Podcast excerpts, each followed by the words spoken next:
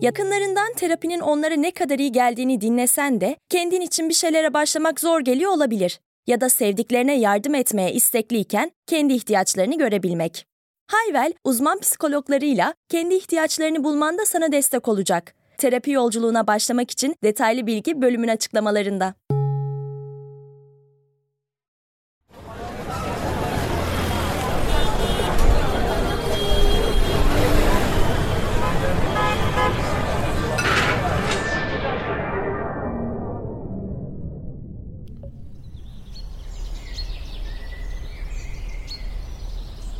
Herkes benimle mi?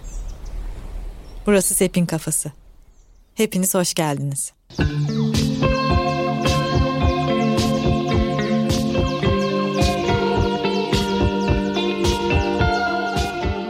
Hisleri, duyguları konuşurken şöyle yani ben çok yoğun duygularla senelerini geçirmiş bir sepin olarak aslında bir şeyler anlatacağım. E, bir yandan da duygular üzerine uzmanlaşıyorum yani. Zaten şu an verdiğim eğitimlerde de çok üzerine konuştuğum bir konu duygu his meselesi. Bir yandan da duyguların somatiği üzerine ciddi mesai harcıyorum.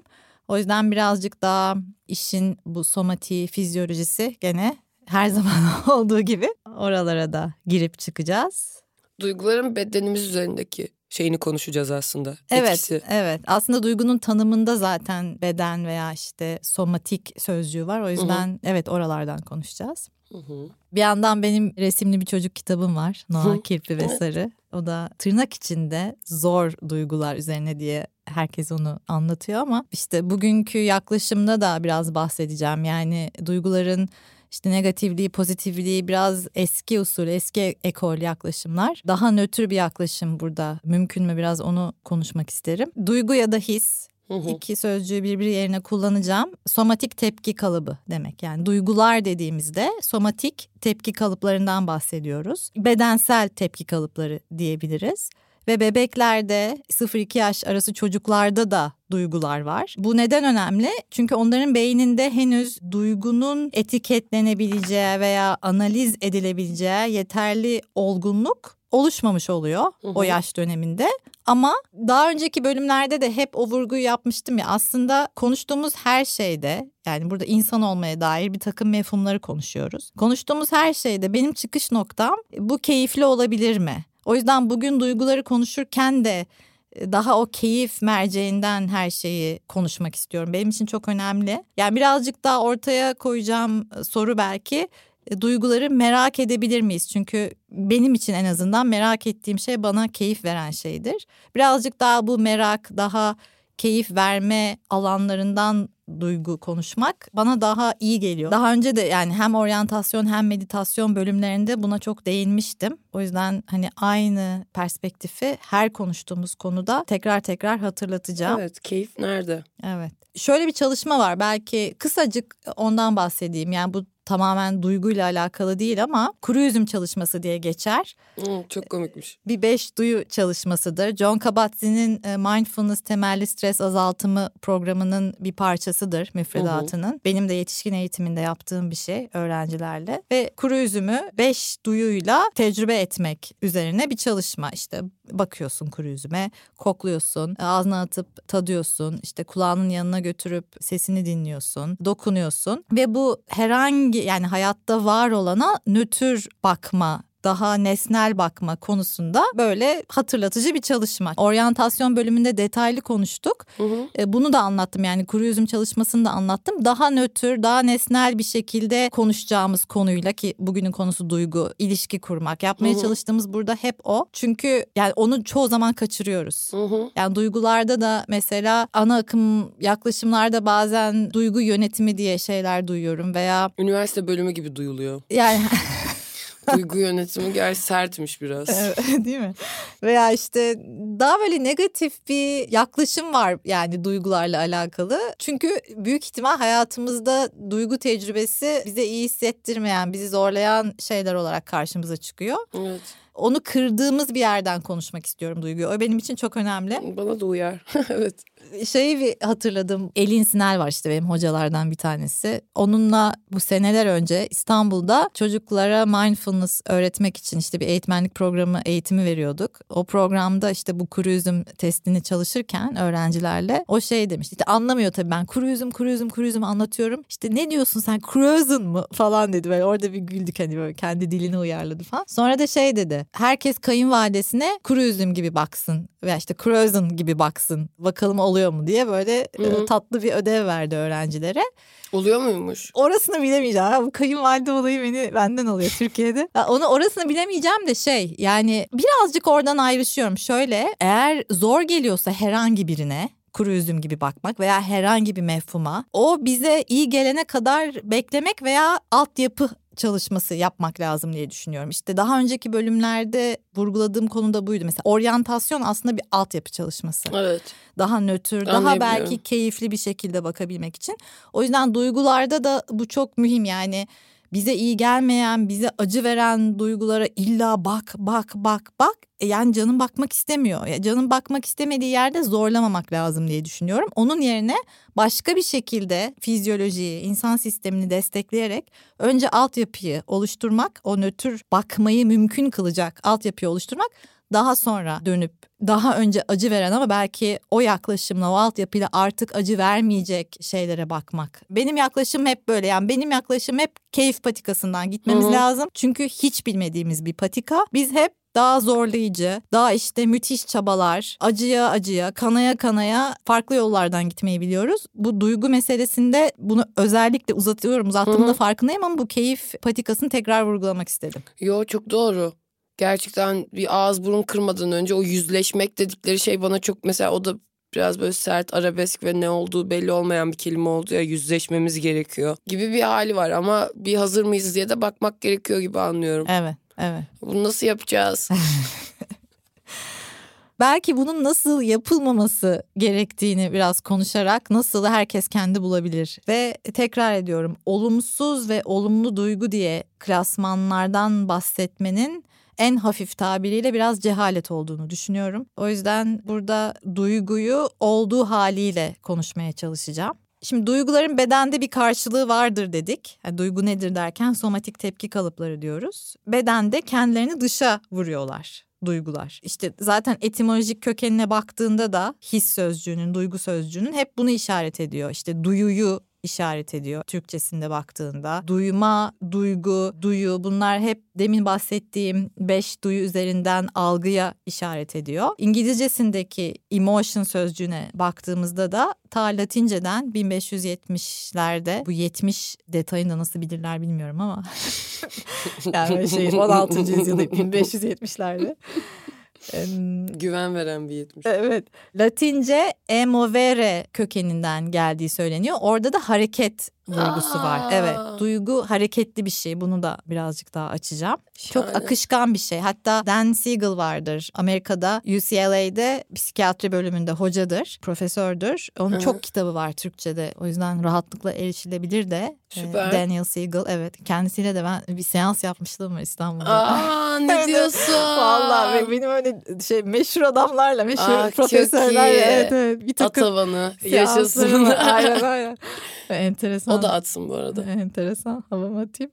O der ki Amerikalılar çok sever ya böyle hani nasıl söyleyeyim mesela 90 saniyedir der. Mesela bir duygunun ömrü 90 saniyedir der. Tabii Bir zaman buçuk dakika. işte zaman çok relatif bir şey şimdi o 90 diyor senin için o 93'tür benim için 15'tir bilmiyoruz. Ne şüphesiz. Ama yani kısalığına vurgu yapıyor aslında. Aha, gelip geçici olması Evet. ve hareket eden bir Evet. olduğuna dair. Evet. Evet. Birkaç bir şey söylemek istiyorum. Bu çocuklarla yaptığım çalışmalarda onlar aslında duyguların kendi bedenlerindeki karşılığını çok güzel ifade ediyorlar. Bazı örnekler söyleyeceğim burada. Ee, Hoşuma Aa, giden. yaşasın. Evet mesela bir tanesi kızınca içim soğuyor demişti. Evet. Çok iyi anlıyorum seni. Başka bir tanesi öyle bir duygu hissettim ki bedenim sanki hiç hareket edemeyecekti. Burada açıklama yaptı. Okulda oyun oynamak isterken ders yapmak gibi. Wow. Sonra da o yüzden hareket ettim dedi. Yani burada müthiş fizyolojik bir hikaye var. Şimdi derine girmeyeceğim ama muazzam cümleler bunlar. Gerçekten öyle. Başka bir çocuk mutlu olunca gözümle yanağımın arasında bir yerde bir baloncuk atıyor dedi. Var mı böyle bir şey? Of Olağanüstü değil mi? gözünle Yanağı Aa, arasında bir lütfen. baloncuk atıyormuş evet. Herhalde de kısılıyor gülümsemekten de bahsediyor olabilir. Şöyle Evet. yanağı çıktı. Aa çok iyi. Evet. Yani bedendeki karşılığı aslında hepimizin bildiği şeyler. Duyguyla ilişkimiz üzerine biraz konuşmak istiyorum. Yani duygunun bizde yer bulması gerekiyor. Alan sözcüğüyle bir derdim var o yüzden alan sözcüğünü özellikle kullanmıyorum ama genelde alan diye anlatılır ana akımda. Ben daha böyle duygunun bizde yer bulması gibi bahsediyorum duygudan. Yani bu bir özgürlük demek ama davranışa sınır koyabiliriz. Çünkü öfke ve hiddet aynı şeyler değil. Öfkenin davranışa dönmesi mesela öfkeden apayrı bir şey. Öfkenin özgürlüğünü ilan etmesine içimizde yer vermek gerekiyor, yer açmak gerekiyor. O demin bahsettiğim çalışmayı yani burada nasıl yaparız bilmiyorum ama tarif edeceğim. Evet nasıl bir şey? Mesela bir kalem alıyorsun eline tamam ve avucun içinde bu kalemi olabildiğince sıkıyorsun bütün gücünle. Mesela bazen bazı duygularla ilişkimiz böyle oluyor.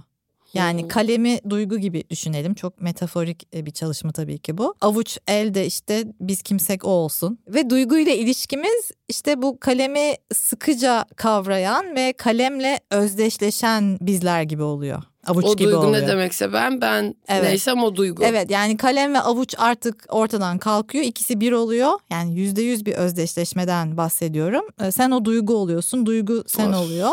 Ve Çok kaçıyor. Konu ya, kaçıyor evet. yani anlatabiliyor muyum? Veya işte kalemi şöyle elinden fırlatıyorsun. O da inkar ediyorsun. Yokmuş gibi varsayıyorsun. Halbuki o duygunun bir işlevi var. Şimdi birazdan anlatacağım. Yani biraz duyguyla ilişkimiz demin hem kuru üzüm dedik hem de sen oryantasyonu da hatırlattın. O kalemin avucumuz içindeki sıkmadığımız avucumuzun içinde durduğu haline tanık olmak. Yani birazcık daha tanık olma hali burada ön plana çıkıyor. Ve orada işte artık bakabiliyorsun işte kalem ne renk, kurşun kalem mi, tükenmez kalem mi, şekli nasıl, formu nasıl ve kalemin senin avucunla ilişkisine, temasına bakabiliyorsun. Yani ne kadar yer kaplıyor senin avucunda. Hı hı. Yani bu daha nötr, daha nesnel bir ilişki anlatabiliyor muyum? Hı hı. Yapmaya çalıştığımız şey bu. Asıl yani o sıkmaktaki şey alan demiyoruz ama onun var olduğu alana izin vermek Evet. ve davranışa sınır koymak. Eğer yapılacaksa bir regülasyon o duyguya değil davranışa yapılması gerektiğini söylüyorsun. Tam da bu, Doğru. evet. Duygu Tamam, ve davranışı birbirinden ayırmak. Hı hı. Çünkü çoğu çocuk mesela evde öyle gördüğü için mesela öfkeyi şiddet, şiddeti öfke zannediyor. Mesela evet. Yani halbuki öfke duygu, Evet. şiddet sınır konmamış bir davranış. Yani şöyle bir şey öğretilmek yani modelleniyor sana yani sana çocukluğunda modellenen şey Hı hı. böyle duyguyla çarpık bir ilişki. Evet. Ve biz bü- büyüdüğümüzde yetişkin olduğumuzda ha duyguyla ilişki buduru görmüşüz. Kim baktıysa bize yani anne baba bakım veren herkesin nasıl bir hayatı olduysa. E sonra biz de oradan devam ediyoruz. E biz de ürediysek bizde de çocuklar varsa onlar da böyle nesiller nesiller nesiller çok son derece çarpık bir duygu ilişkisi modellenerek ve tırnak içinde model üzerinden öğretilerek devam ediyor maalesef. Yani duygularımızla alakalı bizim bir takım fikirlerimiz var. Bunu seviyorum, bunu sevmiyorum, bu şöyledir, bu böyledir. İşte öfkelenmemeliyim, korkmamalıyım, neyse işte mutlu olmamalıyım. Mutluluk tedirgin edici bir şeydir. Bir yandan da bizden başka herkesin bizim duygularımızla da şey sırf vurguyu yapmak için abartıyorum. Ama neredeyse herkesin bizim duygularımızla alakalı da bir takım görüşleri var. Yani bunları daha sonraki işte Sepin Kafası podcast bölümlerinde de konuşacağız. Ama mesela Türkiye'de kadın olmak dediğimde şu soruyu sormak istiyorum. Hani kaçımız annelerimizi ev dışında öfkeli gördük mesela. Veya kaçımız babalarımızı ağlarken gördük. Bir de aynı gülüş yapmam lazım. Halbuki üzüntü yani devamlı olan bir şey. Devamlı bir üzüntü duygusu geliyor gidiyor. Yani benim çocuklarım beni sayısız defa yani gündelik hayatta da ağlarken gördüler. Yani şanslılar diye düşünüyorum ben.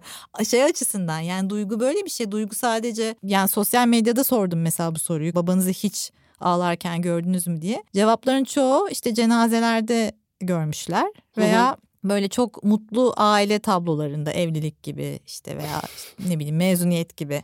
Gurur ağlatıyor gerçekten. Ama gündelik hayat Aman ağlaması be. diye bir şey yok yani çok Ya. enteresan. Hay Yazık. şey de var. İşte bunun üzerine şarkılar var işte erkekler ağlamaz. Ve işte Evet. hani benim çok sevdiğim bir gruptur The Cure'ın Boys Don't Cry diye bir şarkısı Aynen. var. Yani işte ağlamaya ağlamaya lafın meclisten dışarı da yani hepsi de şey yani hepsi demeyeyim. Çoğu çok hasta yani anlatabiliyor muyum? Hasta Zor. olmuşlar. Evet. Yani sadece bu şekilde yalan bir tepkiyle geçiştirmek istiyorum. Zor yani. Erkekler için yani ya kıyamam falan yani. Tamam. Demin sen biraz değindin. İşte dört tane aslında ana duygu var. Öfke, mutluluk, Evet. Ve üzüntü. Bir de karmaşık duygular diye apayrı bir şey var. İsim apayrı demeyeyim. İşte yok utanç, suçluluk gibi. Ha çok- evet onlar da duygu Onlar doğru. tabii ki. Onları ama ayrı bölüm yaparız. Tamam, okey. ya Eyvallah. Onlar şey, o, o kadar da değil. o- onları buraya sıkıştıramayız. tamam. Bir de şeyden bahsetmek istiyorum. Böyle hep duygunun adını koymak üzerine. Demin dedim ya duygunun adını koymak çok vurgulanıyor. Benim işte bu duygular üzerine çalıştığım Kathy Kane ve Tony Richardson var. O ikisi şundan bahseder mesela. Çalıştıkları bir çocuk, Amerikalı bir çocuk TV şovları üzerinden duygularını anlatıyormuş. Veya işte başka yetişkin bir adam film sahneleri üzerinden duygularını Hı hı. anlatıyormuş. Şimdi bazı insanlar için bazı duyguların hissedilmesi bile o kadar zor ki. O yüzden adını koy, adını koy, adını koy. Yani buralara gelmeden önce daha altyapı çalışması gerekiyor. O yüzden onu özellikle vurgulamak istiyorum. Moodboard geldi aklıma. Moodboard, Mesela, evet, bir şeye bir işe başlamadan önce mesela görsel tasarımcılar ve genel olarak bir şey kurmak istediğinde aslında onun hissiyatıyla işte dünyada neler yapılmış ve moodunu neler oluşturmuş diye öyle bir referans şeyi var. Bu bir altyapıya örnek mi mesela?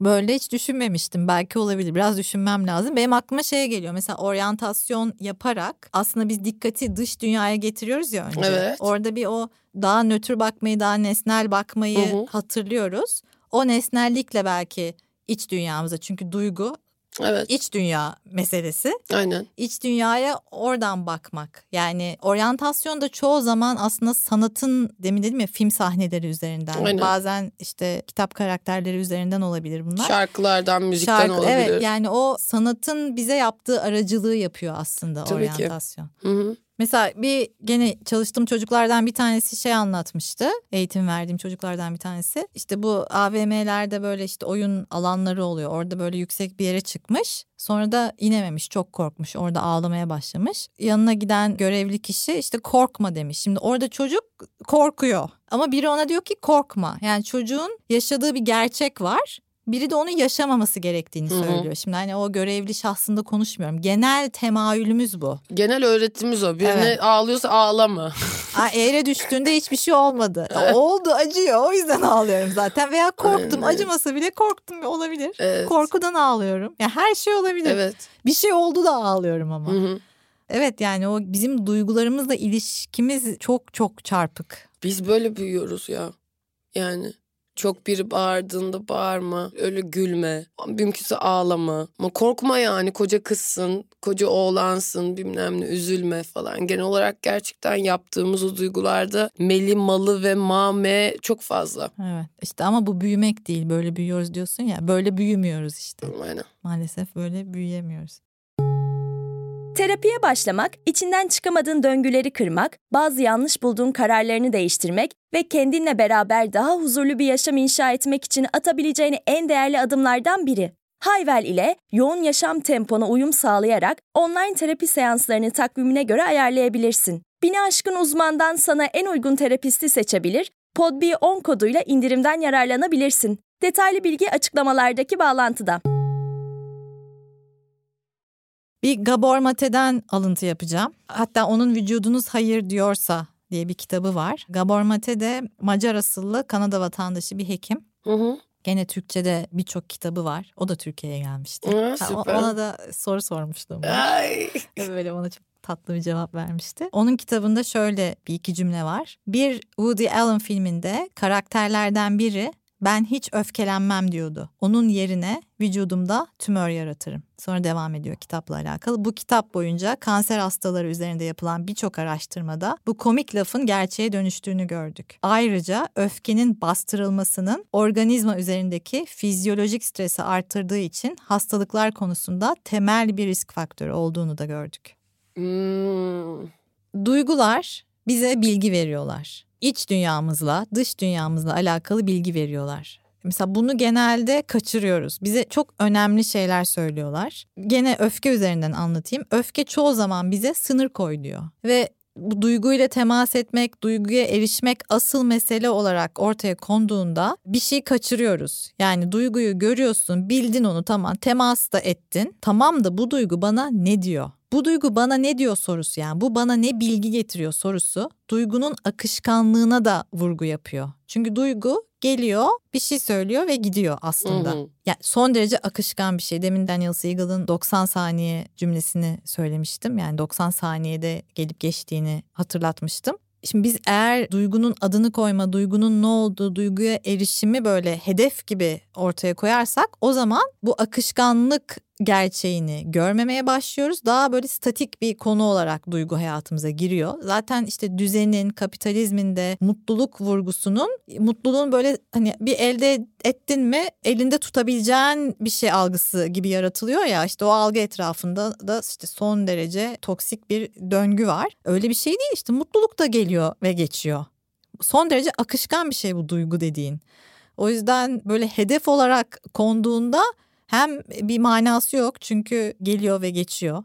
Yani bilgisini almak lazım duygunun. Hem de o zaman bazı şeylere alet oluyoruz. Yani kapitalizmin bütün oyunlarına alet oluyoruz. Anlatabiliyor muyum? Çünkü Çok iyi O mutluluk kalsın diye işte şu araba, işte şu kıyafet, işte şu restoran neyse artık yani. Neye gücün düşenler. yetiyorsa onu evet. bulmaya çalışıyorsun evet. Onlarla o yaşadığın duyguyu tutmaya çalışıyorsun. Öyle bir şey değil duygu. Yani işin doğasına aykırı.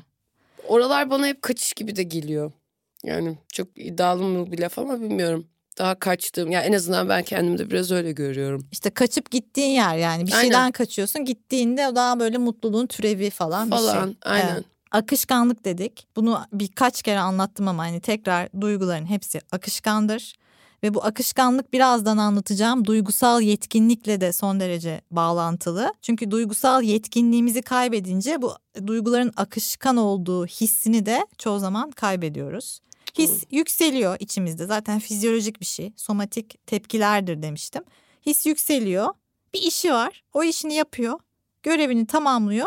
Başka bir şeye dönüşüyor ve gidiyor. Hı hı. Duygunun konusu böyle aslında. Aynen. Özette bu kadar basit bir iş yapması çok komik gerçekten. Duygu bir yandan bir sosyalliği destekliyor. Yani sosyal hayatı destekliyor diyeyim. Türkiye'de bu birazcık daha köstek oluyor demin işte. Kadınların işte evin dışında öfkelenmemesi, erkeklerin işte gözyaşlarını saklaması hep ağlıyorlarsa veya hiç ağlayamamaları. Ne bileyim yaz duygusunun yas bir duygu değil belki veya konuşuruz bunun ne olduğunu da hani yasın yaşanmasıyla ilgili bir takım tabular böyle birçok tabular var. Türkiye'de o yüzden bu bir destek yani sosyal destek gibi değil belki de sosyal köstek gibi çalışıyor. Ama şunu bilelim yani duygular bizim yaşadığımız duygular ilişkilerimizde yaklaşma veya kaçınma yaratıyor. Hı hı. Yani bir ya çekim yaratıyor ya da işte bir isteksizlik yaratıyor.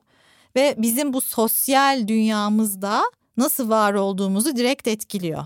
Hı hı. Yani Türkiye'de kadınlık benim çok üzerine kafa yorduğum bir şey. Yani Türkiye'de öfkeli bir kadının ne yarattığını hepimiz biliyoruz çoğu zaman yani sosyal ortamda nasıl bir tepki yarattığını biliyoruz. Halbuki orada onun tersi de olabilir yani o da mümkün. Birazcık ona dikkat çekmek istiyorum. Bu gene çok... Tersi nasıl bir şeyden bahsediyorsun? Yani kadınların öfkesinin de toplum için bir değeri var diye oh, düşünüyorum. Bunu daha da artık görmeye başladık. Tabii ki. Ee, Allah'a şükür. Ama işte eskiden hiç yokmuş. Yani kadın öfkesi toplumda yeri olmayan bir şeymiş. O yüzden herhangi bir sosyal değeri yokmuş.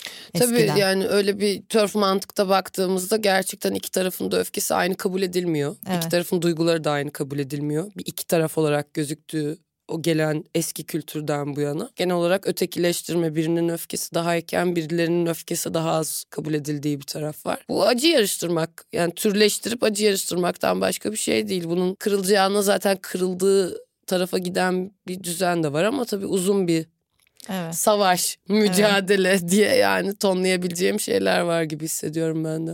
Ya mesela bu yetişkin eğitiminde benim duyguları konuşurken demin dedim ya öfkenin genellikle bize söylediği bilgi sınır koymaktır. Ödev veririm ben ama ödevi bu hafta gidin daha çok sınır koyun diye vermem. Şöyle söyleyeyim. Bu hafta size kaba olma ödevi veriyorum. ha şimdi beni taşlamasın kimse de. Yani şu tabii ki sonra açıyorum altını ama bizler sınır koymayı da bir kabalık olarak görüyoruz. Yani çok enteresan. Evet.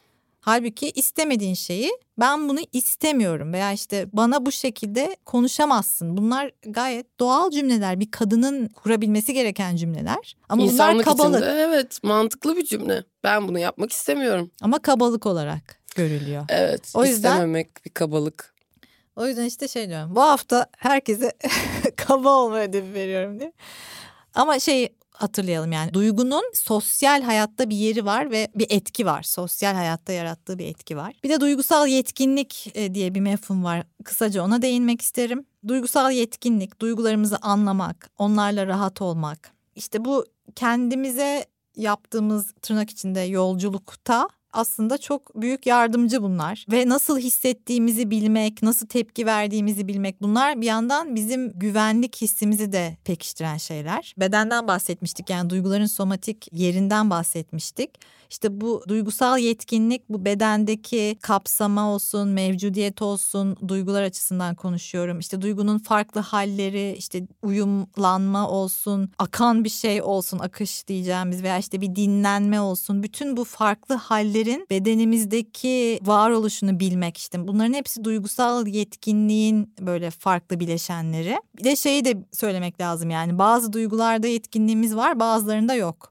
Mesela bazı duygularımızı çok daha iyi biliyoruz. Onlar için demin bahsettiğim işte vokabülerimiz çok geniş ama bazıları için hiç yok veya bazılarını çok az tanıyoruz. Hı.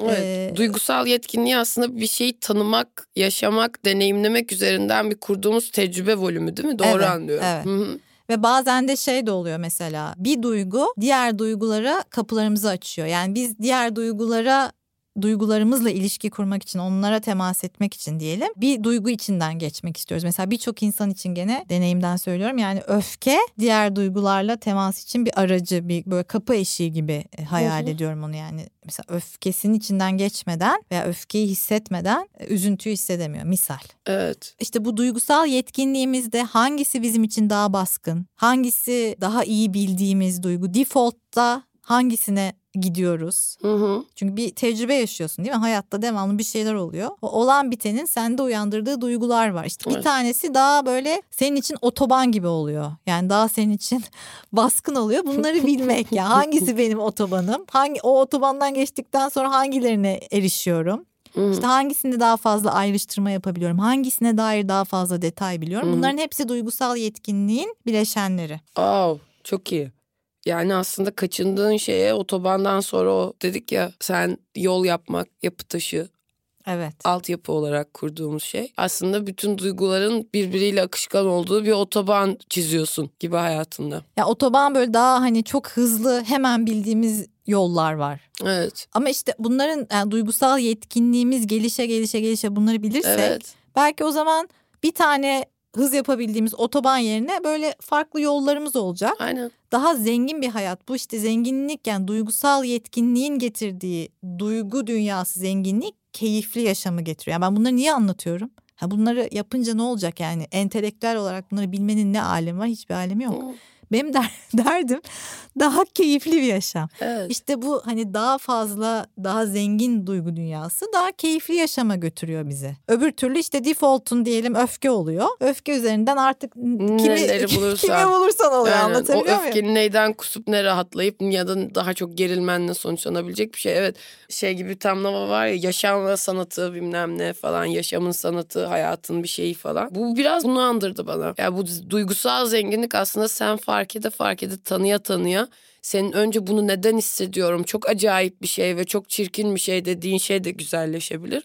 O korktuğun güzellik de seni bulabilir gibi bir umut aslında. Evet yani tek sesli bir yani ben müzik delisi olduğum için yani tek sesli bir müzik dinliyorsun. Eğer böyle e, otobandan gitmeye devam edersen. Halbuki bir orkestra var yani öyle müthiş. Wow. O kadar çok enstrüman var ki ve Evet. enstrümanların adını bilmene de gerek yok. Bilmiyor da olabilirsin. Hepsinin içinde küçük küçük sesler olduğunu da düşünüyorsak. Evet ama onları duyuyorsun. Tabii yani ki. ne demek bu? Onların senin bedeninde bir karşılığı var somatik. Evet. Adından bağımsız. Onun sesi var. Evet, sesi var ve sesi sen duyuyorsun. Wow. Çok keyiflenebileceğim bir metafor.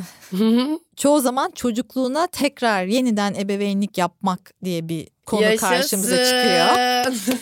Duygular meselesinde veya her meselede aslında söyleyeceğim şey onun yerine o çocukluğu bugünkü yetişkin hayatına çekmek. Evet. Çünkü artık senin yeni bir varoluşun var, yetişkin varoluşun. Birçok becerin var, birçok tecrüben var. Yani o çocukluktan çıktın artık. Yeni bir bedenin var. Çocuğun kapsayamadığı duyguları bugünkü yetişkin halin kapsayabilir. O yüzden yani çocukluğun yapamadığını ona yeniden ebeveyn olarak yapmak yerine mecazi konuşuyorum.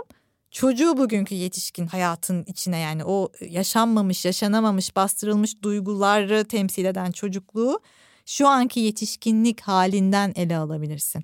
Yani şöyle bir şey. O zaman bir haritam vardı.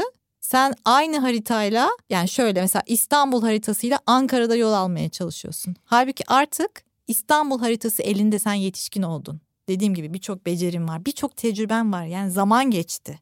Evet. Elinde İstanbul haritası var.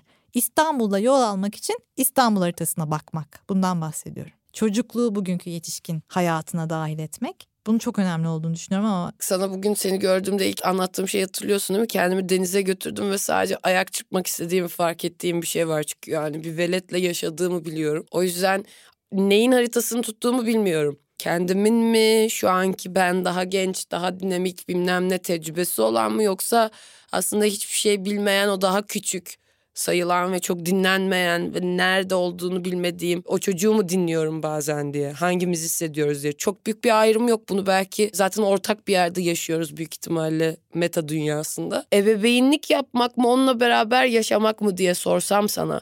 çocukluktan bugünkü hayatında bir şekilde tekrar ele almak istediğin şeyleri yetişkin halinle ele almak. Yani sana yeni haritayla İstanbul haritasıyla İstanbul'da dolanmak. Çünkü öbüründe ne oluyor biliyor musun? Sıkıntı şu. Öbüründe şu oluyor. Bir güç eşitsizliği var orada. Bir çocuk var. Bunların tabii hepsi mecazi konuşuyoruz şu an. Evet. Bir çocuk var, bir yetişkin var. Evet. O yetişkin tekrar o çocuğa ebeveynlik yapacak oluyor. Hemen işin içine bir hiyerarşi giriyor. Kendinle ilişkinde herhangi bir hiyerarşi olmamalı. O yüzden de çocukluğu tekrar yetişkin halinde barındırmak. Duygunun ne olduğunu konuştuk. Duyguyla ilişkimizi konuştuk. Evet. Duygu ne menen bir şey yani işte bilgi getiriyor, akışkan, sosyal hayatta bir karşılığı var. İşte duygusal yetkinlik nedir bunları konuştuk. Bir de çok basit bir teknikten yani anlatım itibariyle basit tabii ki yapması öyle değil. Bahsetmek istiyorum. Daha önceki bölümlerde de bundan bahsetmiştik. Durmak, gözlemlemek ve gözlemlediğin yerden davranmak. Yani duyguyla ilişki kurarken de yani duygunun ne olduğunu anladıktan sonra duygunun bizdeki bedensel karşılığını anladıktan sonra yani o durma hali ve öncesindeki çalışmalarımızla yani hayat devam ederken duygularla samimiyetimizle geldiğimiz yerden sonra davranışı seçmek mümkün olabiliyor. Öfkeyle hiddetin veya öfkeyle işte şiddetin farklı şeyler olduğunu anlamak. Yani davranış ve duygu aynı şey değil. Ama Hı hı. çoğumuzun mesela öfke yönetimi diye bir şey söyleniyor. Öfkeyi niye yönetiyoruz? Öfkeyi istersen yönetmeye çalış. Öyle bir şey değil öfke. Kim hangi duyguyu yönetmiş? Ama davranışı seçmekten bahsedebiliriz. Tamam. Ona varım. Onu seçmek için işte ne çalışmalar yapmamız gerekiyor? Şudur budur yani. O kadar da çok şey var ki yapılabilecek. Bunları konuşmaya varım. O yüzden hemen bir çözüm aramaktansa o daha gözlemleyip otomatik pilottan değil de gözlemlediğin yerden daha özgür bir davranış seçimi belki mümkün olabilir. Evet. İnsanların duygularını tanımasıyla şeyi anlaması çok ince bir çizgi. O biraz hayal kırıklığı da yaratıyor ama okey düzen böyle diyorsun sanıyorum. Kimsenin mutlu olmadığı gerçeği. Evet. Değil mi? Daha 3 saat buradayız. Aynen. Ama o gibi. Çünkü yani şey gibi bir yer sadece söylemek istediğim. Mutlak bir şeyin, sonsuz bir şeyin Evet. olmadığını bilmek hem biraz evet iç rahatlatıyor hem de biraz buruk bir şey gibi hissettiriyor evet. 3 saat Evet. burada izlediğini duydum.